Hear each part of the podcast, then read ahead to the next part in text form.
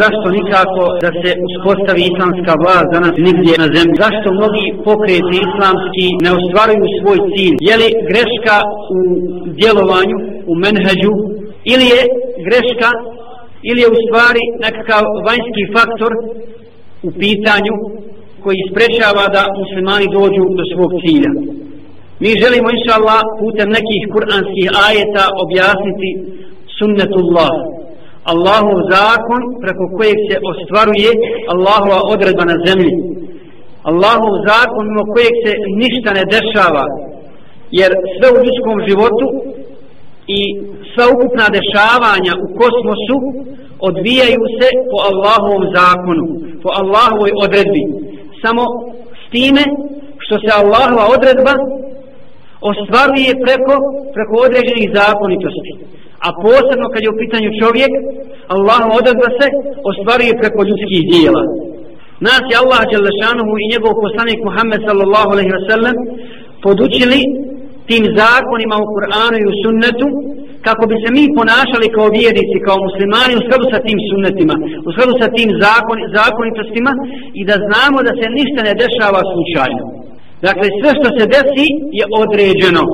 Dakle, to je kader, to je Allahova odredba, ali se ta odredba ostvaruje preko, preko određenih, određenih zakona. Jer Allah žele što kaže, Zalike bi enna Allah lam jeku mugajren ni'meten an'amaha ala kaumin hatta jugajru ma bin fusihim.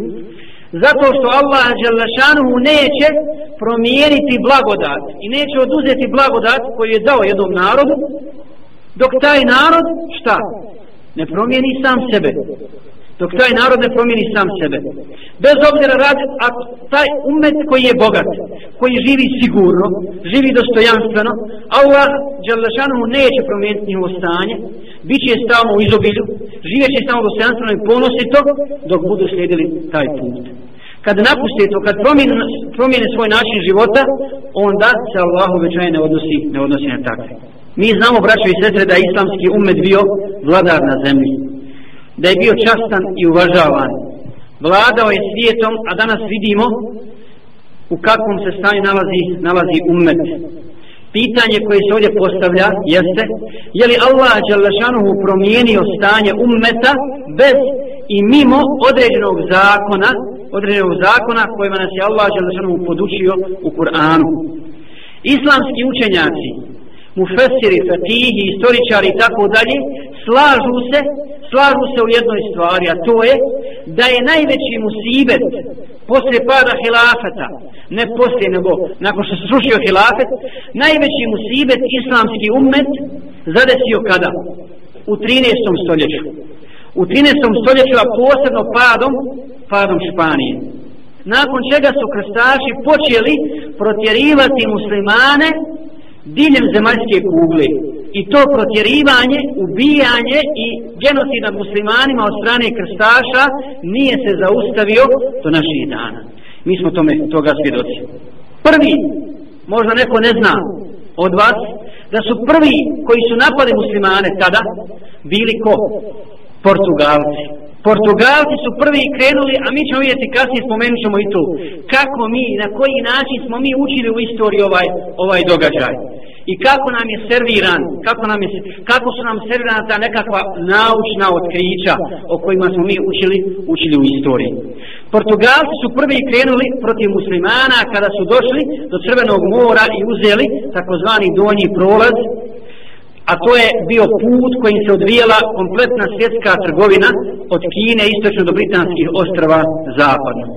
I umet je počeo slaviti tada u svakom pogledu i tada dolazi do izražaja ko? Dolazi do izražaja kršćanska Evropa. Tako kaže istorija. Međutim, ne želimo mi uzimati stvari iz krova, pa na, da, da ne shvatimo suštinu, nego hoćemo da objasnimo e, suštinu. Zašto se to desilo? Zašto se to desilo? Hoćemo da objasnimo suštinu ove stvari. A suština je u jednom. Suština je uvijek u odnosu prema Allahu Đelešanu. u odnosu prema gospodaru svjetova. Kako se jedan pojedinac kao ličnost, kao Allahov odnosi prema Allahu, od toga zavisi njegov život, njegova sreća, njegovo zadovoljstvo na dunjaluku, kao tako, tako, a također jednog umeta, jednog naroda i cjelokupnog društva. Ovo želimo posebno da naglasimo. I vidjet ćemo, pravit ćemo poređenje inša Allah. Između onih koji su to ostvarili i doživjeli i kojima Allah podario blagodati sve, koji su ostvarili svoj cilj, a to su prve generacije, i nas, i naših generacija, i ovih malo prije nas, koji stagniraju u svakom, u svakom pogledu. Dakle, u tome se krije tajna. Kako se tadašnji ummet, kako se tadašnji muslimani koji su počeli stagnirati, koje su, koje su kršćani, portugalci i ostali, počeli proganjati i osvajati njihove zemlje, kako su se odnosili prema Allahu Đelešanu. To je tajna. Dakle, nisu to ni Portu, u tome leži taj, nisu to ni Portugalci, ni Židovi, ni Kršćani, nego Allah Đelešanuhu je tako, tako htio i tako odredio. I to određenje, dakle, Allahovo se odvija preko ljudskih dijela. Da je ummet ustrajao na pravom putu, Allahovo obećanje bi bilo uz njih, uz njih stalno. Zato su, braćo i sestre, muslimani odgovorni za ono što im se desilo. Mi napadamo stalno drugi i kažu krivi su židovi, krivi su kršćani, jeste. Ali zašto su muslimani dozvolili Zašto su muslimani dozvolili da i Allahu i neprijatelji na takav način, na takav način uhvati u raskoraku i da ih pokore, da uzmu njihove države, da uzmu njihove zemlje i da ih počnu protjerivati iz zemalja. Jer mi odnos kršćana i židova znamo dobro. Prošli put smo govorili, citirali kuranski ajet, وَلَا je zavrno i ukati unukom hatta i an. Oni će se neprestano protiv vas boriti. Neprestano, to je sunnetullah. Od toga neće odustati. Ako, osim ako ne mogu to koja se odvrati od vaše vjeri. Samo je šart ako ne mogu. Ako mogu, hoće. Ako ne mogu, onda, onda neće. To je jedna stvar, dakle, znamo njihovu prirodu.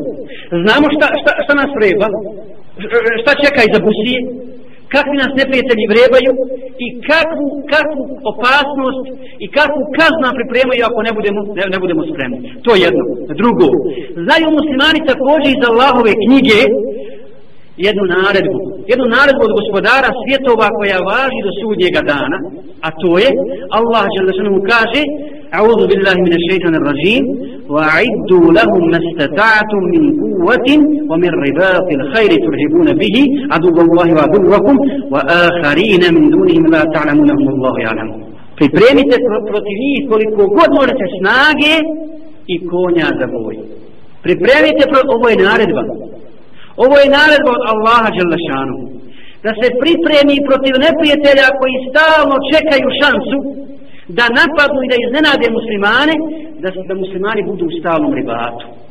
Da budu u stalnom pripravnosti. I ne samo da budu spremni i sna, imanskom snagom, duhovnom snagom prije svega, a i materijalno-tehnička sredstva da pripreme protiv neprijatelja, protiv neprijatelja na koje je Allah Želešanu upozorio i koji ostaje neprijatelj do sudnjega dana. Jesu li muslimani tada u Španiji pripremili tu snagu? Jesu li, jesu li ispoštovali u Allahu naredbu? Slobodno možemo kazati da nisu. Da nisu. Ni tadašnji muslimani u tadašnjoj Španiji, ni današnji muslimani u današnjim Španijama. Nažalost, što je danas, što je danas mnogo Španija muslimanski, nije samo, nije samo jedna. Dakle, u tome se ogleda tajna, tajna neuspjeha, neuspjeha muslimana. Dakle, u tome što nisu, u tome kakav je njih odprema Allahu Đalešanu. I vallahi ovo je veliki, veliki, veliki ibret. Ako se neprijatelji sama spremaju protiv nas, i ako su stalno spremni, a muslimani ne izvrši ono što im Allah naredio, šta to znači? To znači da nisu izvršili šta? Vađu. To je naredba gospodara svjetova. Kao što je naredba namaz, kao što je naredba post. Jesi li griješnik ako ne klanjaš? Jesi li griješnik ako, ako ne postiš? Asija prema Allahu, ne pokoran gospodaru svjetova. Allah naredio da pripremiš protiv snagu, snagu protiv neprijatelja. Jer tebi Allah dao objavu preko poslanika sallallahu alejhi ve sellem i ovaj umet mora biti vođa.